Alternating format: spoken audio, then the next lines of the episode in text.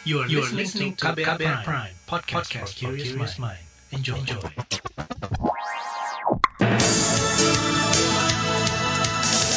Selamat pagi saudara, senang sekali kami bisa menjumpai Anda kembali melalui program Buletin Pagi edisi Selasa 12 April 2022.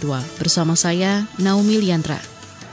Sejumlah informasi pilihan telah kami siapkan di antaranya. Pemerintah didesak transparan dalam memilih pejabat kepala daerah. Puluhan pelajar ditangkap kepolisian saat ikut demo mahasiswa. Ribuan rumah di Cilacap krisis air bersih akibat flushing bendungan merica. Inilah Buletin Pagi selengkapnya terbaru di Buletin Pagi. Saudara, Presiden Joko Widodo meminta jajarannya segera mencari pejabat sementara atau PJ pengganti kepala daerah yang masa tugasnya akan habis tahun ini. Ia meminta semua proses dilakukan sesegera mungkin agar tidak terjadi kekosongan jabatan.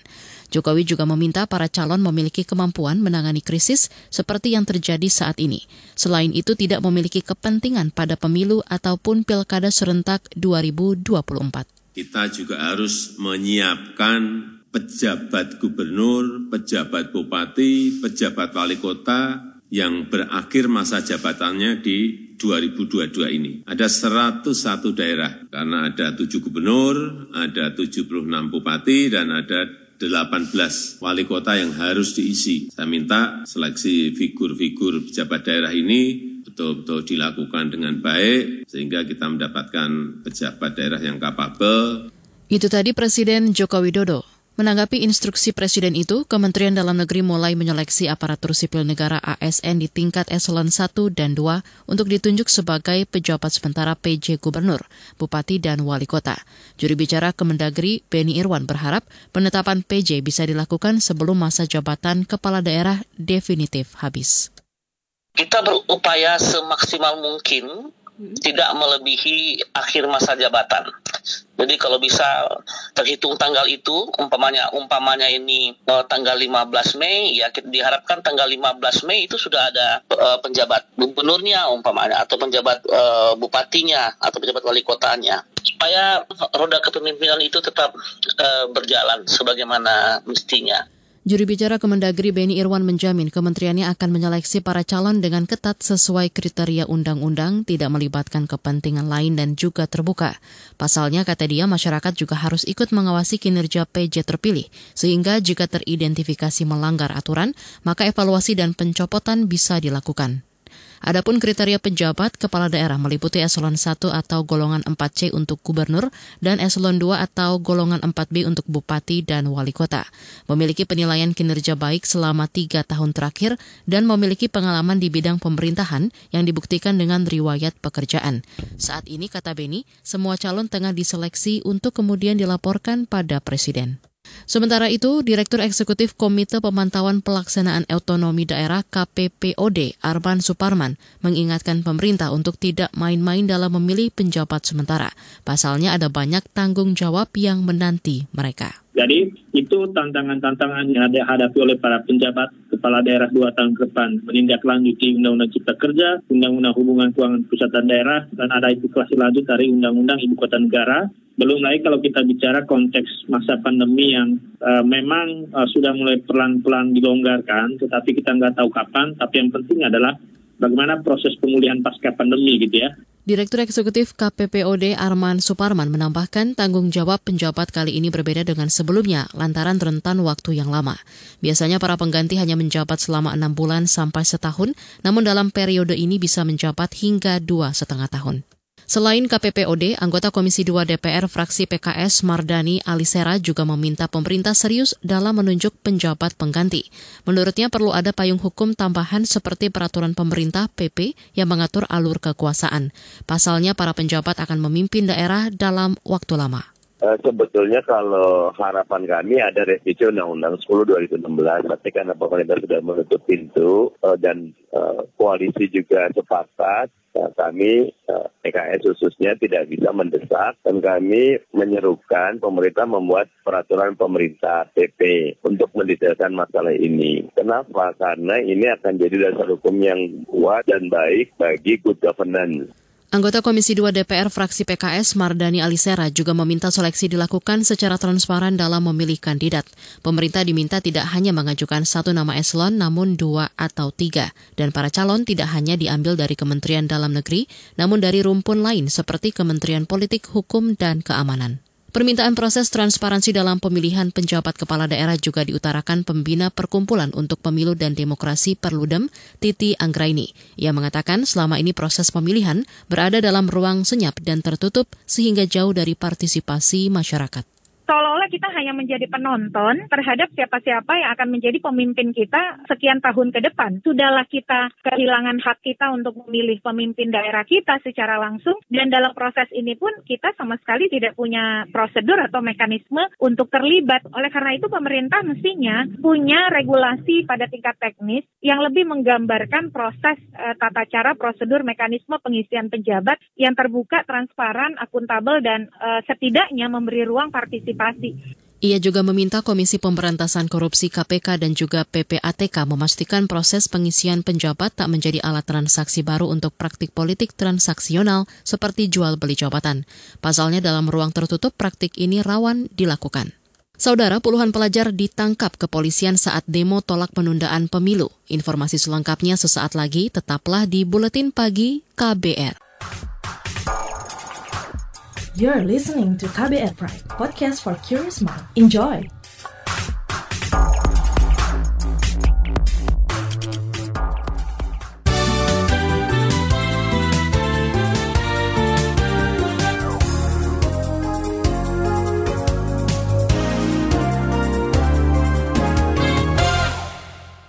Puluhan pelajar ditangkap kepolisian Polda Metro Jaya saat mengikuti demonstrasi yang dilakukan mahasiswa untuk menolak perpanjangan masa jabatan presiden dan penundaan pemilu. Kapolda Metro Jaya Fadil Imran mengatakan para pelajar ditangkap di depan gedung DPR. Tadi ada pelajar yang memang masa yang masuk kita kategorikan masa cair. Kita sedang mempelajari apakah ini murni cair atau ada orang-orang yang menggerakkan. Ya. Tapi yang diamankan sudah berapa orang Pak? Tadi di Monas yang kita amankan banyak khususnya pelajar sekitar 80 orang. Tapi mereka sebelum berbuat kita sudah amankan. Jadi malam ini mungkin segera kita kembalikan. Kapolda Metro Jaya Fadil Imran menyebut para pelajar yang ditangkap saat ini berada di Polda Metro Jaya. Menurutnya alasan mereka ikut dalam aksi unjuk rasa lantaran menerima pesan berantai. Sementara itu di Cakung, Jakarta Timur, sekelompok pelajar asal Cikarang, Kabupaten Bekasi juga ditangkap aparat kepolisian. Mereka dibawa ke Polsek Cakung untuk didata dan dimintai keterangan. Para pelajar juga digeledah dan ditemukan pasta gigi serta gawai berisi pesan berantai ajakan berdemo. Ketua Badan Pemenangan Pemilu Bapilu Partai Demokrat Andi Arief memenuhi panggilan Komisi Pemberantasan Korupsi KPK sebagai saksi untuk tersangka bekas Bupati Penajam Pasir Utara Abdul Ghafur kemarin. Andi mengaku dicecar tujuh pertanyaan terkait musyawarah daerah atau musda Demokrat. Saya diperiksa dua jam ya, dua jam tentang mekanisme musda. Musda. Dan bukan tugas saya sebenarnya, tapi tadi udah saya jelaskan tentang bagaimana pelaksanaan. Itu tadi Ketua Badan Pemenangan Pemilu Bapilu Partai Demokrat Andi Arief. Selain Andi Arief, sebelumnya KPK telah memeriksa Deputi dua Badan Pembinaan Organisasi, Kaderisasi, dan Keanggotaan BPOKK Demokrat, Jamie Setiawan. Saat itu Jamie dicecar pertanyaan terkait pertemuannya dengan tersangka suap Abdul Ghafur terkait musda Partai Demokrat di Kalimantan Timur. Masih terkait penegakan hukum, Komisi Pengawas Persaingan Usaha atau KPPU telah memanggil 21 produsen yang diduga terlibat dalam kasus kelangkaan minyak goreng. Direktur Investigasi KPPU Goprera Panggabean mengatakan pemanggilan itu bagian dari proses penyelidikan yang sudah dimulai sejak akhir Maret retail itu ada delapan, tujuh hadir, satu tidak hadir, asosiasi, empat hadir, pemerintah, ada dua, yaitu dari Bea Cukai dan dari Kemendak, dua hadir, distributor ada enam yang kita minta keterangan, lima hadir, satu tidak hadir. Selain keterangan yang kita dengar dari pihak-pihak terkait. Berikutnya juga kita mendapatkan surat dan atau dokumen dari para pihak sehingga berdasarkan hasil penelitian yang telah kita lakukan disimpulkan bahwa telah diperoleh satu alat bukti Direktur Investigasi KPPU Goprera Panggabean menambahkan alat bukti yang diselidiki KPPU di antaranya terkait penetapan harga, kartel, dan pembatasan pasar minyak goreng. Dari data-data yang diperoleh, KPPU menduga terjadi pergerakan harga minyak goreng sama yang dilakukan terlapor. KPPU memiliki waktu 60 hari untuk menuntaskan penyelidikan ini. Kita beralih ke informasi lain. Menteri Pertanian Syahrul Yasin Limpo memastikan agenda pertanian di konferensi tingkat tinggi KTT G20 tak akan terpengaruh isu perang Rusia versus Ukraina. Kata dia, Indonesia berusaha memberikan solusi kepada negara-negara pendukung Amerika untuk terus mendukung dan menjaga keberlangsungan pangan dunia meski kontra dengan Rusia. Kita kebetulan jadi presidensi G20 yang harus bisa mengakomodasi mereka. Sekarang ini yang paling sulit adalah negara-negara yang sangat-sangat patuh dengan Amerika menyatakan kalau Rusia masuk mereka mundur dan ini yang kita terus olah bahwa di pangan tidak ada hal-hal yang berkait dengan masalah permusuhan atau perang dan lain-lain karena pangan adalah kepentingan umat manusia. Menteri Pertanian Syahrul Yasin Limpo mengatakan jadwal pertemuan Menteri Pertanian Negara G20 akan diselenggarakan pada 6 sampai 8 September mendatang. Kata dia akan hadir sekitar 54 Menteri Pertanian sedunia. Pertemuan itu antara lain membahas komitmen bersama dalam sisi pangan berkelanjutan, serta mendorong perdagangan pangan dan pertanian yang terbuka, adil, juga transparan. Kita beralih ke informasi pandemi. Ketua Satgas Penanganan COVID-19 Suharyanto memperbolehkan masyarakat kembali mudik dan bersilaturahmi pada Idul Fitri. Namun ia meminta masyarakat tetap menjalankan protokol kesehatan mulai dari memakai masker, menjaga jarak, rajin mencuci tangan, serta mendapat vaksin lengkap dan booster. Saya percaya masyarakat semakin patuh dan disiplin menjalankan protokol kesehatan. Dua tahun pandemi telah membuat kita belajar dan tahu cara mencegah penularan COVID-19, termasuk mudik yang bertanggung jawab, yakni dalam kondisi sehat dan telah menjalani vaksinasi. Itu tadi Ketua Satgas Penanganan COVID-19 Suharyanto. Menurut data pemerintah, hingga kemarin capaian vaksinasi dosis pertama telah mencapai 94 persen atau 197 juta orang. Vaksin kedua sebanyak 77 persen atau 161 juta orang, dan vaksin booster sebanyak 13 persen atau 27 juta orang. Selain itu terjadi kenaikan kasus konfirmasi COVID-19 sebanyak 1.996 orang dan kasus sembuh tercatat bertambah 3.978. Sementara kasus meninggal dunia akibat COVID-19 bertambah 48 orang. Kita beralih ke berita mancanegara. Menteri Luar Negeri Ukraina, Dimitro Kuleba, mengatakan Jerman dan Paris membuat kesalahan strategis beberapa tahun lalu lantaran tak mengizinkan negaranya bergabung dengan Pakta Pertahanan Atlantik Utara atau NATO. Dilansir dari AFP, Kuleba menilai jika saat itu Jerman dan Prancis mengizinkan Ukraina bergabung dengan NATO, maka Rusia tak akan berani menginvasi negaranya. Pada 2008, 2014, dan 2017, Ukraina mengajukan diri bergabung namun tetap ditolak. Hingga tahun lalu akhirnya NATO mengadopsi strategi keamanan nasional yang bertujuan mengembangkan kemitraan blok militer terkuat di dunia ini dengan Ukraina. Namun, upaya itu dianggap terlambat lantaran Rusia telah lebih dulu menyiapkan strategi berperang. Pemimpin Korea Utara Kim Jong-un memerintahkan penghancuran hotel milik Korea Selatan di negaranya. Kim menilai fasilitas tersebut buruk. Dilansir dari Reuters, beberapa pejabat Seoul mengatakan proses penghancuran telah dimulai meski Korsel meminta penghentian penghancuran simbol unilateral itu. Juri bicara Kementerian Chan Dek-cho mengaku masih belum jelas apakah Korut bakal menghancurkan fasilitas Korsel lain di situs itu. Ia juga menegaskan Seoul sangat menyayangkan tindakan Pyongyang. Kita beralih ke berita olahraga. Bolonya meraih poin penuh saat bermain di kandangnya Stadio Renato Dal Ara. Bolonya menjamu Sampdoria dalam pekan ke-32 di ajang Serie A Selasa dini hari. Mereka menang atas Sampdoria dengan skor 2-0. Hasil ini membuat Bolonya berada di urutan 12 pada klasemen Serie A dengan 37 poin. Sementara Sampdoria berada di urutan 16 dengan 29 poin. Puncak klasemen saat ini masih dipegang Milan yang meraih 68 poin. Di bagian berikutnya kami hadirkan laporan khas KBR bertajuk RKUHP dan pasal penodaan agama. Tetaplah di Buletin Pagi KBR. You're listening to KBR Pride, podcast for curious mind. Enjoy!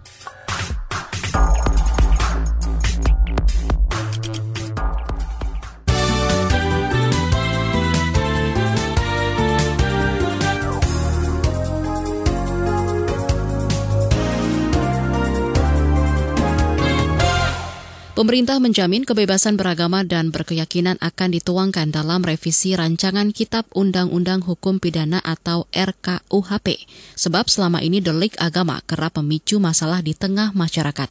Karena itu perlu diatur lebih detail sesuai konstitusi. Selengkapnya simak laporan khas KBR yang disusun Astri Yuwanasari. Pembahasan revisi rancangan Kitab Undang-Undang Hukum Pidana RKUHP akan dilakukan Juni 2022. Pembahasan direncanakan setelah revisi Undang-Undang Cipta Kerja dan rancangan Undang-Undang Pembentukan Peraturan Perundang-undangan rampung dibahas pemerintah dan DPR. Kepala Pusat Pembinaan Hukum Nasional Kementerian Hukum dan HAM, Joko Pujiraharjo berharap RKUHP dapat segera disahkan dan menghasilkan pengaturan hukum yang komprehensif. Kata dia, RKUHP nantinya akan mengandung banyak pengaturan hukum pidana, termasuk soal pasal penodaan agama. Ia mengklaim RKUHP akan menjamin kebebasan beragama dan berkeyakinan bagi masyarakat. Terkait dengan pengaturan tentang tindak pidana agama ini, ini kan juga merupakan perwujudan dari uh, sila pertama dari Pancasila dan itu juga uh, menggambarkan bahwa agama ini bagi masyarakat Indonesia adalah merupakan sendi utama dalam uh, hidup bermasyarakat. Dan tentunya agar dalam praktek ataupun dalam implementasi maka perlu disempurnakan pengaturan terhadap baik itu tindak pidana dan ini juga harus hati-hati kita mengaturnya termasuk di dalam rencana uh, rancangan KUHP yang sebetulnya tahun 2019 kemarin sudah selesai di dalam pembahasan di tingkat pertama. Dalam catatan anggota Komisi Hukum DPR Taufik Basari, keberadaan delik agama dalam aturan hukum di Indonesia masih kerap memicu masalah di kalangan masyarakat. Menurutnya, delik agama terdapat pada sejumlah pasal pada Undang-Undang Hukum Pidana KUHP di KUHP existing kita misalnya ya pasal 156, 156A, 157, 175, 176, 177, 503, 530, 545, 546, 547 ya KUHP itu juga masih mengatur soal delik agama dan dalam pengalaman kita beberapa penggunaan terhadap delik agama itu menimbulkan masalah-masalah yang menurut saya sangat fundamental ya yang akan mengganggu proses bernegara kita. Taufik mengatakan masyarakat akan menggunakan pasal-pasal yang mengandung delik agama dalam peristiwa tertentu. Delik agama ini bersinggungan dengan isu penodaan agama. Itu sebab Jemaat Ahmadiyah Indonesia JAI meminta pemerintah dan DPR menunda pengesahan RKUHP yang akan memasukkan pasal penodaan agama. Sebab komunitas Ahmadiyah kerap menjadi korban akibat adanya regulasi yang tidak selaras dengan jaminan HAM dan konstitusi. Ketua Komite Hukum Jemaat Ahmadiyah Indonesia JAI Fitria Sumarni mencontohkan frasa penodaan agama dalam sejumlah pasal di Undang-Undang tentang pencegahan penyalahgunaan dan atau penodaan agama menjadi dasar terbitnya SKB 3 Menteri. SKB 3 Menteri yang dimaksud adalah surat keputusan bersama Menteri Agama, Jaksa Agung, dan Menteri Dalam Negeri tentang peringatan dan perintah kepada penganut, anggota dan atau anggota pengurus Jemaat Ahmadiyah Indonesia JAI dan warga masyarakat. Nah, eh, SKB Ahmadiyah ini adalah uh, salah satu regulasi yang uh, tidak selaras ya dengan jaminan HAM uh, yang ada di dalam konstitusi maupun hukum HAM internasional dan regional dan ini yang menjadi uh, penyebab terjadinya banyak pelanggaran HAM terhadap komunitas Ahmadiyah. SKB 3 Menteri terbit dengan alasan bahwa ajaran yang dianut anggota Jemaat Ahmadiyah Indonesia JAI bertentangan dengan Islam. Alasan utama pemerintah adalah karena menganggap ajaran kelompok itu mengakui ada nabi setelah Muhammad Shallallahu alaihi wasallam, yakni Mirza Gulam Ahmad. Ketua Komite Hukum Jemaat Ahmadiyah Indonesia JAI Fitria Sumarni mengatakan, frasa penodaan agama tersebut sering kali dimanfaatkan untuk menutup rumah-rumah ibadah Ahmadiyah. Hal tersebut dipandang bertentangan dengan Undang-Undang Dasar 1945 dan bersifat inkonstitusional. Mengingat dampak yang sangat luas gitu dari pemberlakuan undang-undang penodaan agama, saya kira DPR mungkin harus menunda ya pengesahan RKUHP dan kemudian melibatkan masyarakat dalam apa dalam diskusi untuk pembahasan pasal penodaan agama di RKUHP ini. Fitria menjelaskan bentuk-bentuk pelanggaran terhadap komunitas Ahmadiyah antara lain penyesatan dan pemaksaan keyakinan, kemudian gangguan pada rumah ibadah, pelarangan pendirian masjid, penolakan izin, penyerangan, dan perusakan. Bahkan kata dia terjadi juga penganiayaan hingga kehilangan nyawa, serta pelarangan kegiatan atau aktivitas, penolakan pelayanan publik, diskriminasi, dan ujaran kebencian terhadap mereka. Demikian laporan khas KBR, saya Astri Yuwanasari. Informasi dari berbagai daerah akan hadir usai jeda. Tetaplah bersama Buletin Pagi KBR. You're listening to KBR Pride, podcast for curious mind. Enjoy!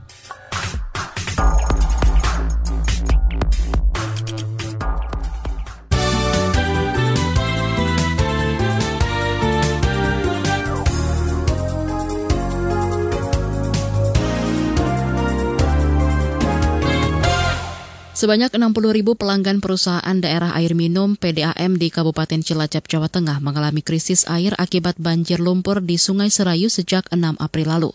Banjir lumpur terjadi setelah PT Indonesia Power melakukan flushing atau pembuangan lumpur dari bendungan PLTA Merica. Direktur Utama PDAM Cilacap Bambang Yulianto mengatakan kesulitan mengolah air baku lantaran tingkat kekeruhan air di atas ambang maksimum. Adanya banjir lumpur yang disebabkan oleh flushing dari PLTA Sudirman di Merica.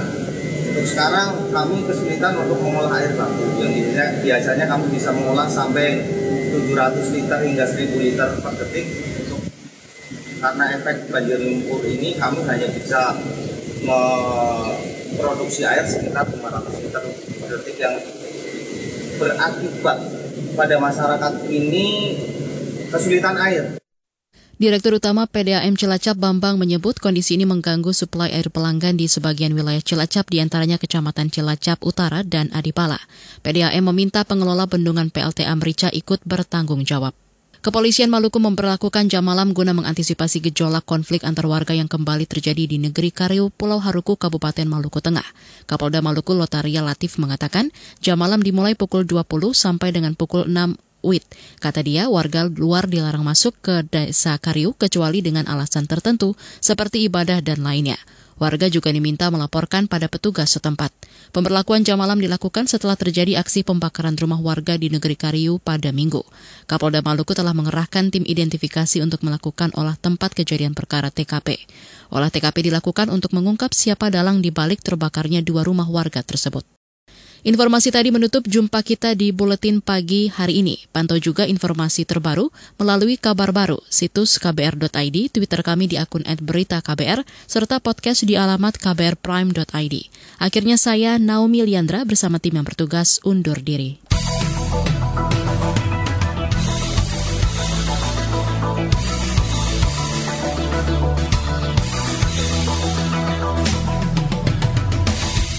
KBR Prime, cara asik mendengar berita. KBR Prime, podcast for curious mind.